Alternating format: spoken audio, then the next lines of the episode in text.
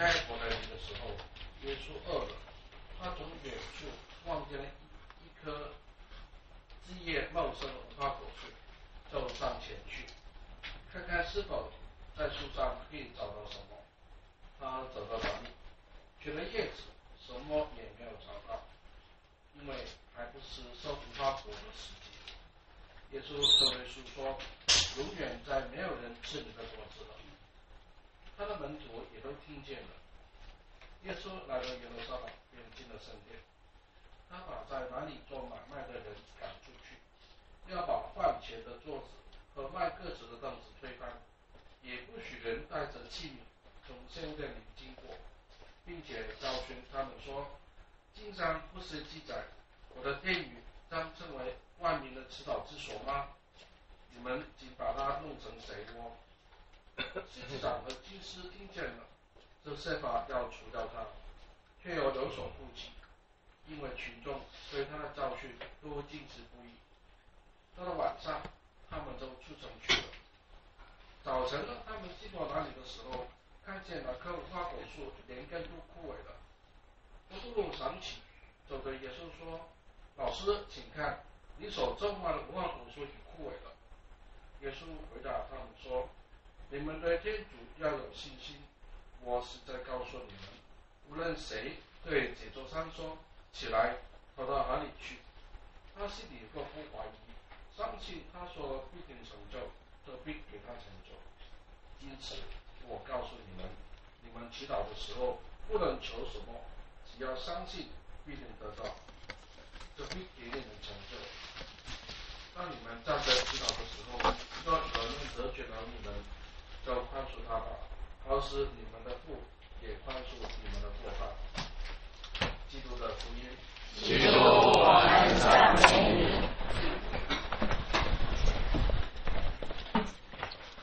今天我们所纪念的殉道者，真有势力，也是教，也是最出名的。他写的本部教书。他在出生在公元大概一百年左右，然后。他是一个当时的读书人，我们称他哲学家。然后他就去寻找呃智慧跟真理，然后他到处找，当时还不是教育，他到处找，因为他去找真理找智慧。他曾经去过不同不同的所谓学派，这些学派有些有宗教色彩，有些没有的，去找一些真理跟智慧，然后找了很多，最后都不满意。最后，他就跟最后，他就找到基督信仰。这当中，呃，发现发现里面有智慧，有真理。但是有个老人告诉他说：“有智慧、有真理没有用，你要实行才有用处。”因此，他就慢慢实行起来。因此，这个呃，有士定，他是当时的读书人，有的哲学家。他开始他说，作为一个基督徒，有责任。将那个信仰去解释清楚，传给别人。因此，他变成一个护照者之外，也是在公开的跟人家辩论信仰。好，然后他是可以说在公元一百年算很早了，他开始将基督信仰跟哲学，当然是希腊哲学连起来，将希腊哲学去解释信仰。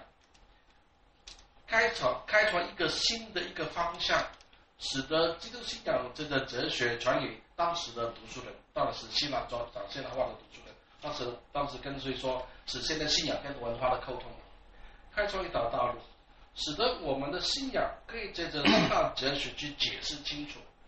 呃，比如说，耶稣是真人真天主，一个位格来到星体，天主是三位一体，这些都是这希腊哲学背景。